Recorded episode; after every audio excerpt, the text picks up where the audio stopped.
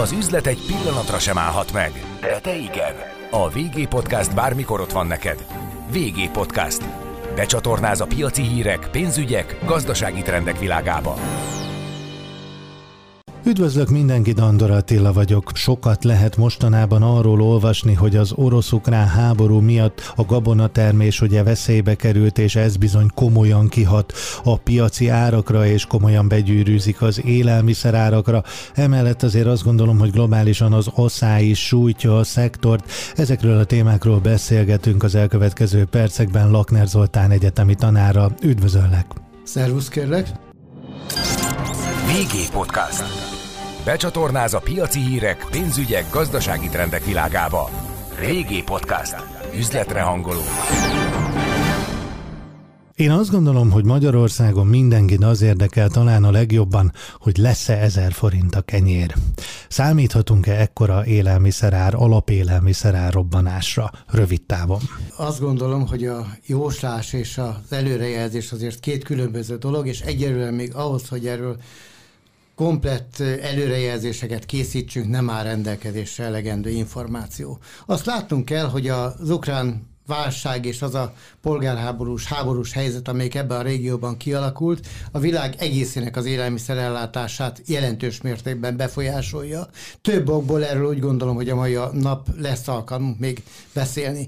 Hogyha a hazai helyzetet nézzük, akkor abban bízhatunk, hogy a magyarországi termelőkapacitások rövid távon, illetve középtávon várhatóan elégségesek lesznek ahhoz, hogy a magyar lakosság bőséges és biztonságos élelmiszer ellátását fenn lehessen tartani. Tehát nem jelent, kell hiányra felkészülni. Úgy gondolom, hogy hiányra semmilyen körülmények között nem kell felkészülnünk. Rendelkezünk azokkal az élelmiszer termelő kapacitásokkal, mind a mezőgazdaság, mind az élelmiszer feldolgozás oldaláról, amelyek lehetővé teszik azt, hogy a magyar lakosság elfogadható áron, bőséges, széles választékból biztonságos termékekhez jusson hozzá. Az, hogy az elfogadható ár mit jelent, az természetesen egy másik kérdés. Lássuk be, az elmúlt években, évtizedekben egy olyan nagyon pozitív tendenciának lehettünk a tanúi, amikor a különböző élelmiszerek reál ára, tehát az az ár, amit e, úgy kalkulálunk, hogy figyelembe vesszük az inflációnak az alakulását, az vagy stagnált, vagy pedig kismértékben még csökkent is, tehát egyszerűen fogalmazva, egy-egy kiló kenyérért, egy-egy kiló húsért, egy-egy liter tejért, ha úgy tetszik, kevesebbet kellett dolgoznunk.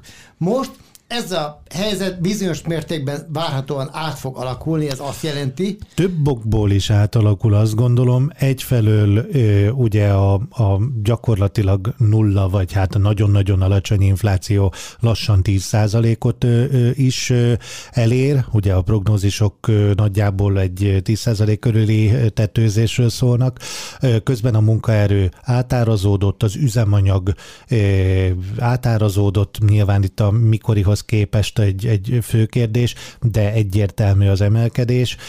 Kérdés az, hogy az üzemanyag központi árszabályozása ugye meddig tarthat, nem a mi asztalunk, hogy ebbe belemenjünk, de lehet sorolni minden esetre sok olyan tényezőt, ami komoly árfelhajtó hatásúak, és akkor még arról nem is beszéltünk, hogyha valamiből globálisan hiány van, akkor a külpiacokon mennyit adnának érte. Gondolom nem véletlen válasz volt a, az import tilalom, illetve, vagy export tilalom, illetve hát bejelentési kötelezettség. Így igaz, egy nagyon jelentős világpiaci ár, ár változásnak lehetünk a tanúi, hiszen a világpiac úgy reagált a várhatóan csökkenő kínálatra, amelyik az ukrán-orosz háború hatására alakult ki, hogy jelentős mértékben megnövekedtek a különböző mezőgazdasági termékek, mindenek előtt a gabonafélék, a napraforgó világpiaci ára is, és azt gondolom, hogy középtávon ez a tendencia ez fönn fog maradni. Nagyon egyetértek a kérdéseddel és a felvetéseddel abból a szempontból is, hogy igen, hát a maradva az előző példánál a kenyérárnak csak egy olyan, a kenyér össz, termelés összes költségének csak egy olyan 20%-a, ennél nem több, az, ami közvetlen az alapanyagköltség, az összes többi az a munkaerőköltség, ez emelkedik, az energiaköltség szintén emelkedik, és hát lássuk be, hogy minden olyan tényezőnek a folyamatos emelkedését láthatjuk, amelyik összességében a különböző költségek emelkedéséhez vezet, tehát rövid és középtávon azt gondolom, hogy a különböző mezőgazdasági és élelmiszeripari termékek árszínvonalának a növelés, növekedésére kell felkészülnünk, amelyik várhatóan még valamivel meg is fogja haladni a magyarországi inflációnak a mértékét, azért, mert ez, ez áll összhangban azokkal a nemzetközi folyamatokkal, amik mind azt mutatják, hogy ezek a költség tényezők, ezek az egész világon emelkednek, és ez azt látjuk, hogy a mezőgazdasági termékek árszínvonal az egész világon folyamatosan és a világpiacon folyamatosan növekedik. Ez egyébként azért a, abból a szempontból is érdekes, hogy a mezőgazdasági termékek világpiaci ára az elmúlt években messze nem követte a többi a világpiacon széles körbe értékesített tőzsdei termék, tehát például az energiahordozók árszínvonalának az emelkedését. Ha úgy tetszik, akkor most azt láthatjuk, hogy ez a tendencia megfordult, és azt a relatív költség csökkenést, amit látunk, láttunk az elmúlt években a világpiaci árak alakulásában a mezőgazdasági termékeknél. Most ez úgy tűnik, hogy ezek a termékek bizony behozzák. A rossz hír az, hogy véleményem szerint középtávon is egy folyamatos növekedésre kell számítani, és ennek több oka van. Az egyik oka mindenek előtt az, hogy tovább növekszik a világpiacon a kereslet a ezekről a dolgokról iránt. Ezekről a dolgokról még mindenféleképpen beszélgetünk, de azt mondtad, hogy az inflációt meghaladó mértékű áremelkedés, hogyha egy némileg 10% alatti inflációval számolunk, akkor abból adódóan az élelmiszerárak mondjuk közel 20%-kal emelkedhetnek? Mi lehet az a szám, hova tagsálod? Ez egy nagyon nehéz kérdés, de én egy 15-18%-os áremelkedést el tudok képzelni. Természetesen azt is látnunk kell, hogy az élelmiszerek termelőjára és a fogyasztójárának a változása ez két egymástól jelentős mértékben különböző dolog, hiszen a termelő és a fogyasztó között ott vannak azok a nagyon bonyolult logisztikai, kereskedelmi rendszerek, amik eljuttatják a fogyasztóhoz ezeket a termékeket. Az, hogy ők milyen stratégiát fognak követni, hogy azt a stratégiát követik, hogy párhuzamosan növelik és arányosan növelik a különböző termékek fogyasztói árát annak a függvényében, ahogy az élelmiszeripar igyekszik a költség növekedését átterhelni a kereskedelemre, vagy a kereskedelmi árak ennél kisebb mértékben fognak esetleg növekedni, ezt majd nyilván vagy a jövő, és ezeknek a meghatározó nagy kereskedelmi üzletláncoknak a mindenkori üzletpolitikája fogja eldönteni. Hát egy biztos a munkaerő egyre drágul, nem is valószínű, hogy hirtelen visszájára fordulna ez a trend, és a szállítás is egyre drágul. Minden költségtényező azt mutatja, hogy egy folyamatos energia, folyamatos növekedésnek lehetünk a tanulni. Hagy mondjak egy példát, amelyik talán kevésbé ismert. Mezőgazdasági termékeket ma korszerűen, megbízhatóan, stabilan, csak is műtrágya felhasználással lehet előállítani. Most persze lehetne azt mondani, hogy na igen, de hát ott vannak a biotermékek, amiknél igyekeznek a mesterséges anyagok felhasználását minél kisebbre csökkenteni, de látnunk kell, hogy ezeknek a biotermékeknek, vagy organikus termékeknek az aránya azért a fejlett országokban is csak a piac töredékét teszi ki, Magyarországon pedig a szerepük marginális, a összes... Néhány ter- százalék? Néhány százalék legfeljebb, de mi talán még annyi sincs, hiszen összesen a magyar biotermék termelő, termelésre felhasznált mezőgazdasági termőterület mintegy 100-120 ezer hektár, és nagyjából ennyi évek óta, tehát nagy változás nincsen. Azaz marad a hagyományos nagyipari mezőgazdaság. A nagyipari mezőgazdaságot sokszor szitokszóként használják, de ezzel én nem értek egyet. Ahhoz, hogy egy ország lakosságának a bőséges, biztonságos, kiszámítható élelmiszer ellátását stabilan garantálni tudjuk, csak is szervezett, nagyipari, egyen, egyenletesen és folyamatosan kézben tartott rendszerek kiterjedt alkalmazásával tudjuk megvalósítani. Jelenleg ennek a megoldásnak alternatívája nincs. Ez nem azt jelenti, hogy aki szeretne bioterméket vásárolni, óckodik attól, hogy abban a termékben mesterséges színe, mesterséges anyagokat kemikáliákat, növényvédőszereket, ipari úton előállított, előállított műtrágyát, növényvédőszereket alkalmazzanak, annak ne legyen meg a lehetőség, hogy ilyen termékeket vásároljon, de úgy gondolom, hogy a tömegtermékek előállítása csak is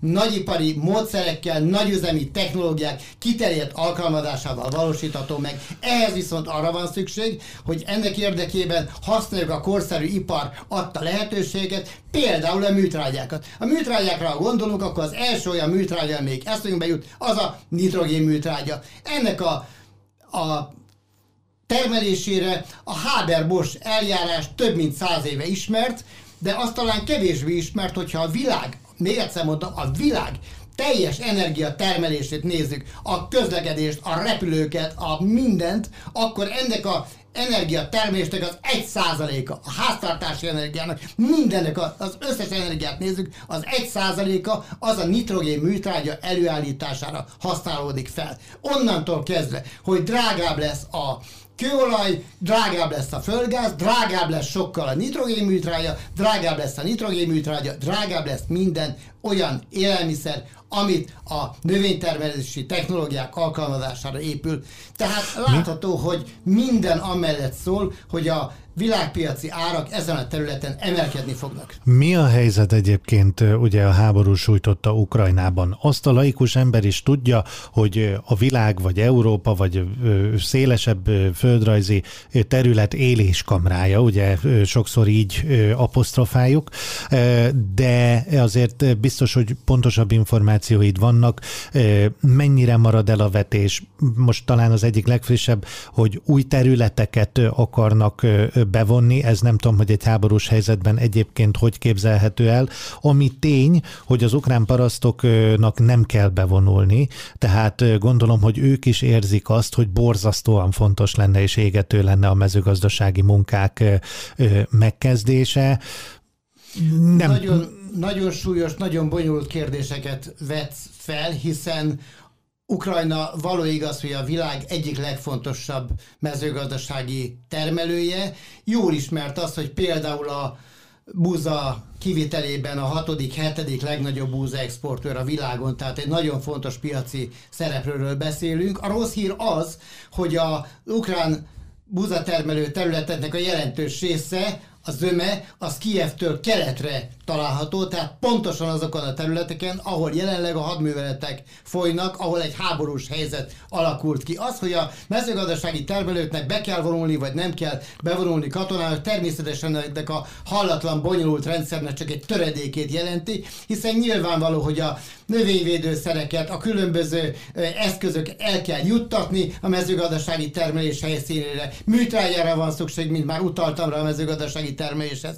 Az, hogy ezek a logisztikai rendszerek, amikre most van szükség ahhoz, hogy majd a nyár folyamán aratni lehessen, hogyan működnek és hogyan nem működnek, erről csak nagyon megközelítő és nagyon kusza képünk lehetséges, de azt gondolom, hogy mindjárt egyetértünk abban, hogy ahhoz, hogy ebből exportképes, eladható termék jelenjen meg Ukrajnából, ahhoz egy nagyon bonyolult logisztikai rendszere van szükség, aminek még a mezőgazdasági termelés csak egy, is csak egy részét teszi ki, hiszen emellett szállításra, komplet ellátási láncok megszervezésére van szükség, de hát nyilvánvaló, hogy a legfontosabb ukrán kikötő az jelenleg Ogyessa. Hát ha megnézzük Ogyesszát, akkor azt látjuk, hogy ez folyamatos rakéta támadások alatt áll, tehát el nem lehet képzelni, hogy ebből a, a nagyon fontos ipari kikötőből vajon eljut-e valaha bármilyen a közeli jövőben, bármilyen gabona szállítmány a világ bármilyen pontjára. Tehát azt láthatjuk, hogy az ukrán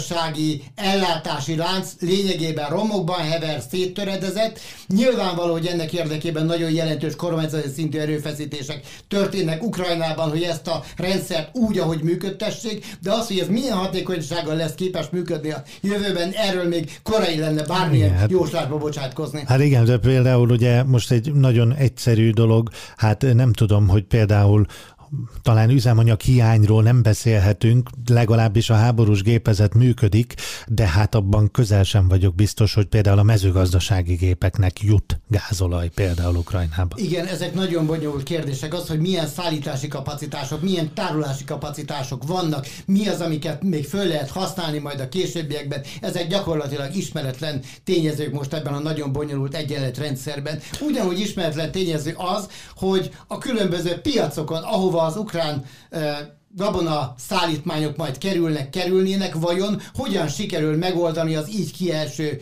veszteségeket? Ugye pont a Fekete-tengeri kikötőket, Odesszát említetted, Mariupol is ugye hát sajnos sokat szerepel mostanában a, a, a hírekben, a legsúlyosabb harcok gyakorlatilag ott vannak, nyilvánvaló mindenfajta kereskedelmi tevékenység teljes mértékben ellehetetlenül, pedig a hírek szerint 50 olyan ország van, amelynek búzaellátása harmadát Oroszország és Ukrajna adja.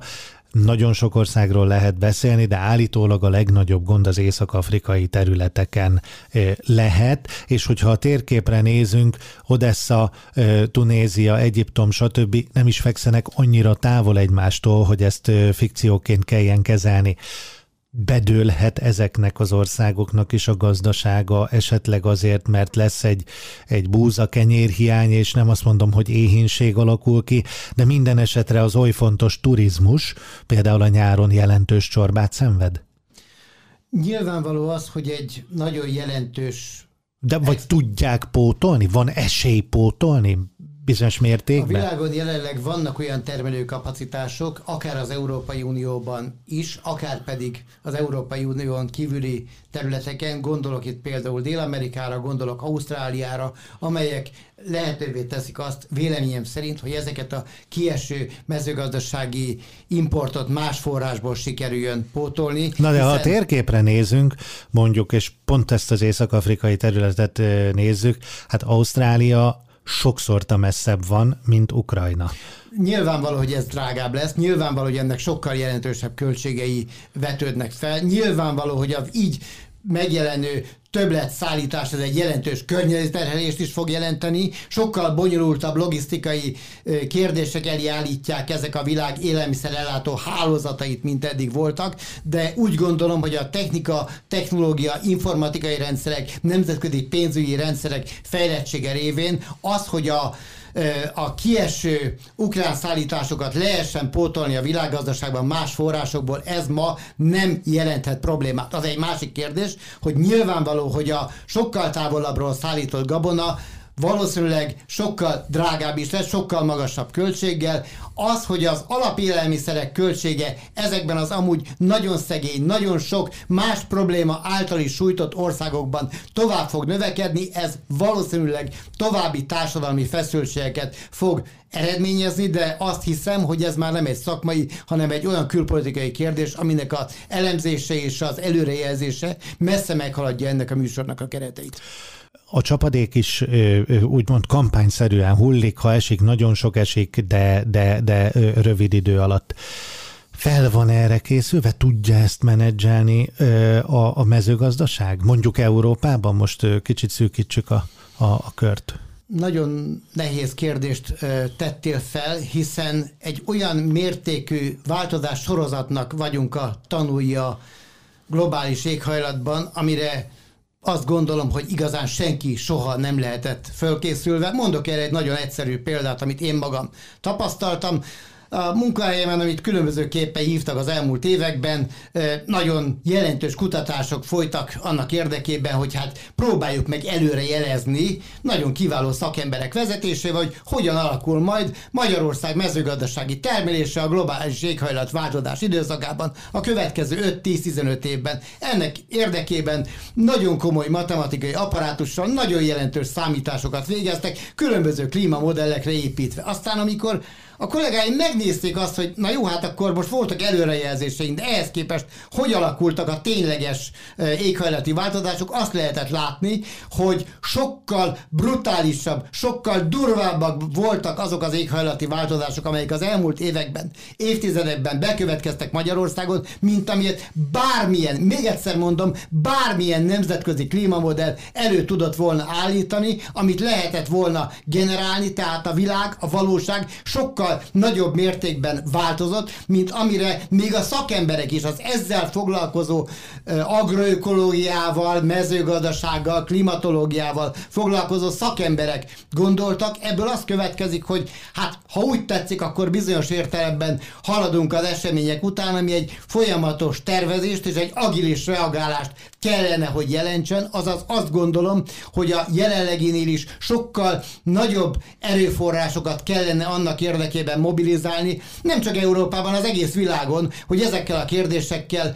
e, tudjunk mit kezdeni. Ez azt jelenti, hogy egyrészt a vízgazdálkodási, vízkormányzási stratégiánkat kellene átgondolnunk, másrészt hosszú távú kormányzati ciklusokon messze átévelő fejlesztési terveket kellene kidolgozni és megvalósítani a tudatos vízkormányzás érdekében. Harmadrészt pedig nagyon fontosnak tartom, hogy olyan mezőgazdasági termelési technológiákat alkalmazzunk, amelyek sokkal jobban alkalmazhatóak a megváltozott klimatikus körülmények között. Ez azt jelenti, hogy másfajta, talaj, másfajta fajta szerkezetre, másfajta talajművelési módokra és másfajta fajta technológiák kiterjedt alkalmazására van szükségünk, mert két dolog van egyszerre.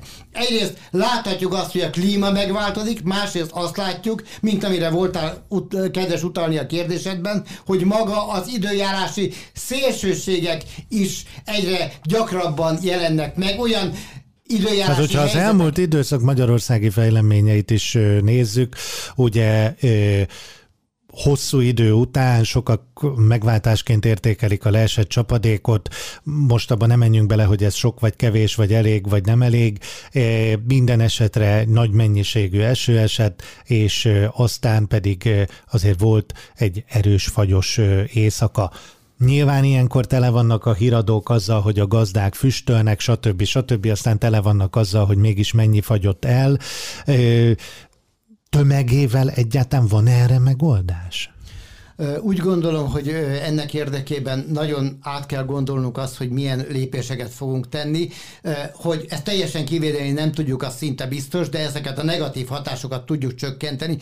Nem győzöm hangsúlyozni az öntödés és a hosszú távú öntödési stratégia jelentőségét, a technológiaváltozás jelentőségét, a fajta kérdés és a új fajták kiterjedt alkalmazásának a fontosságát, a fajta nemesítés jelentőségét a klímaváltozás hatásainak csökkentése érdekében, illetve illetve azt, amit úgy hívunk, hogy okos mezőgazdaság. Ez most egy ilyen kurca, amivel úgy, úgy divat dobálozni, a smart agriculture, hogy ez majd mindent megold, nem fog megoldani mindent, de abban igenis meggyőződésem, hogy segít, hogy a korszerű informatika, a nagy adattömegek kiterjedt alkalmazására tört e, irányuló e, tudatos felhasználói szándék érdekében ezeket a váratlan időjárási helyzeteknek a negatív hatásait képesek legyünk csökkenteni, képesek legyünk rájuk felkészülni. Úgy gondolom, hogy ez persze nem csak magyarországi probléma, az, hogy pontosan hogyan alakul majd, vagy várhatóan hogyan alakul a e, időjárás a Kárpát-medencében, és az éghajlat a Kárpát-medencében, ez egyébként az egyik legbonyolultabban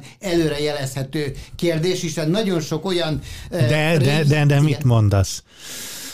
Ha bármilyen bonyolult is előrejelezni, hosszú forró nyár, rövid tél. Van, van egy nagyon érdekes olyan klímaszenárió összehasonlító weboldal, ahol ezeket örömmel tanulmányozom, mert olyan 15-17 vezető, meghatározó klíma előrejelzés eredményeit lehet összehasonlítani a világ különböző térségeire, így Magyarországra is, és ennek alapján nagyon sokféle összehasonlításra van mód a különböző klímaszenárió, klímaforgatókönyvek alapján. Én ezzel szívesen bíbelődöm, és azt látom, hogy várhatóan a ö, csapadék csökkenésére és az átlaghőmérséklet növekedésére kell felkészülnünk úgy, hogy mindeközben a szélséges időjárási helyzeteknek, szélséges időjárási események megjelenésének a relatív gyakorisága növekedni fog, ami természetesen a magyar mezőgazdaságot és egyáltalán a mezőgazdasági termékek előállítására alapuló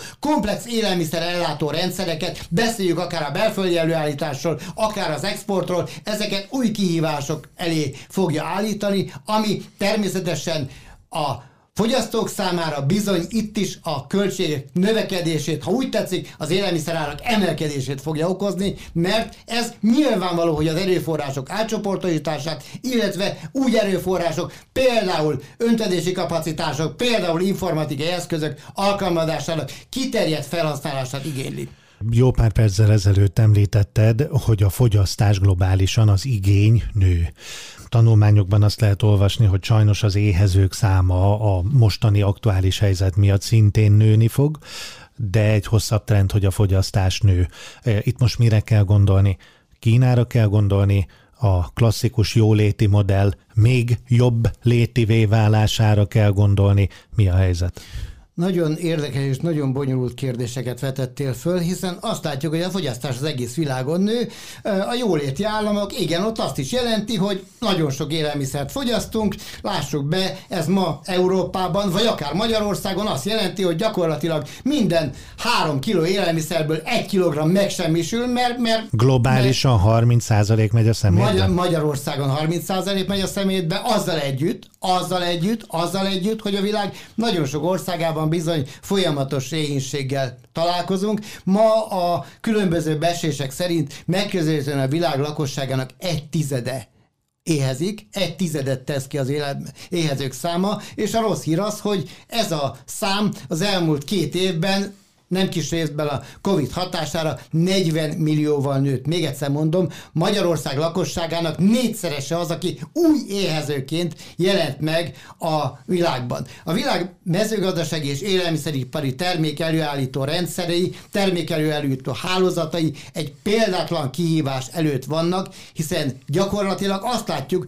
hogy egyszerre jelenik meg egy nagyon jelentős népességszámnövekedés, egy nagyon erőteljes klímaváltozás, az összes negatív hatásával együtt, és egy olyan hatás, hogyha az emberek kicsit jobban élnek, ami a kicsit jobban él azt jelenti, hogy nem egy dollár a napi átlagos jövedelme, hanem mondjuk kettő, akkor ezt a jövedelem növekmény nyilvánvaló, hogy arra szeretné fordítani, hogy jobb minőségű, bőségesebb, táplálóbb élelmiszerhez jusson, ami azt jelenti, hogy bizony az élelmiszer fogyasztás legnagyobb növekedése éppen a táplálkozási mintázatok az étrend átalakulásából adódóan alapvetően a fejlődő országokat jellemzi. Vegyük például Afrikát. Ez egy olyan kontinens, ahol a népesség robbanása minden előrejelzés szerint a legnagyobb mértékű lesz a következő években, évtizedekben. Azt láttuk, hogy például Nigéria lakossága 50 évvel ezelőtt 40 millió volt, ma 200 millió, a következő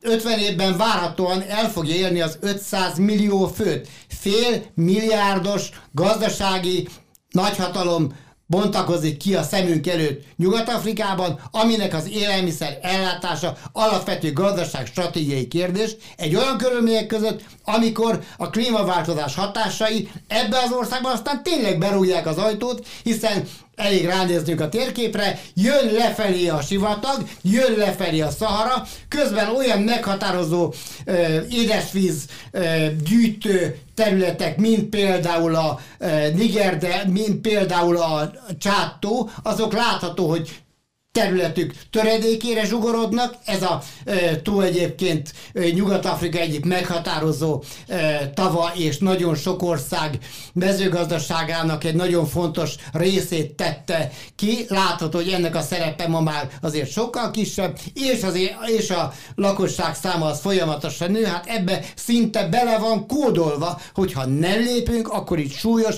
élelmiszer ellátási, élelmezés, biztonsági problémák vetődnek fel, ezért gondoljuk azt, hogy a következő évtizedekben a figyelem középpontjában kell állnia a mezőgazdasági és élelmiszer ellátási láncok komplex fejlesztésének nem csak Magyarországon, hanem az egész világon, mert ezek a kérdések nyilvánvaló, hogy társadalmi, politikai eh, feszültségekké transformálódnak át, bár nagyon rövid távon is.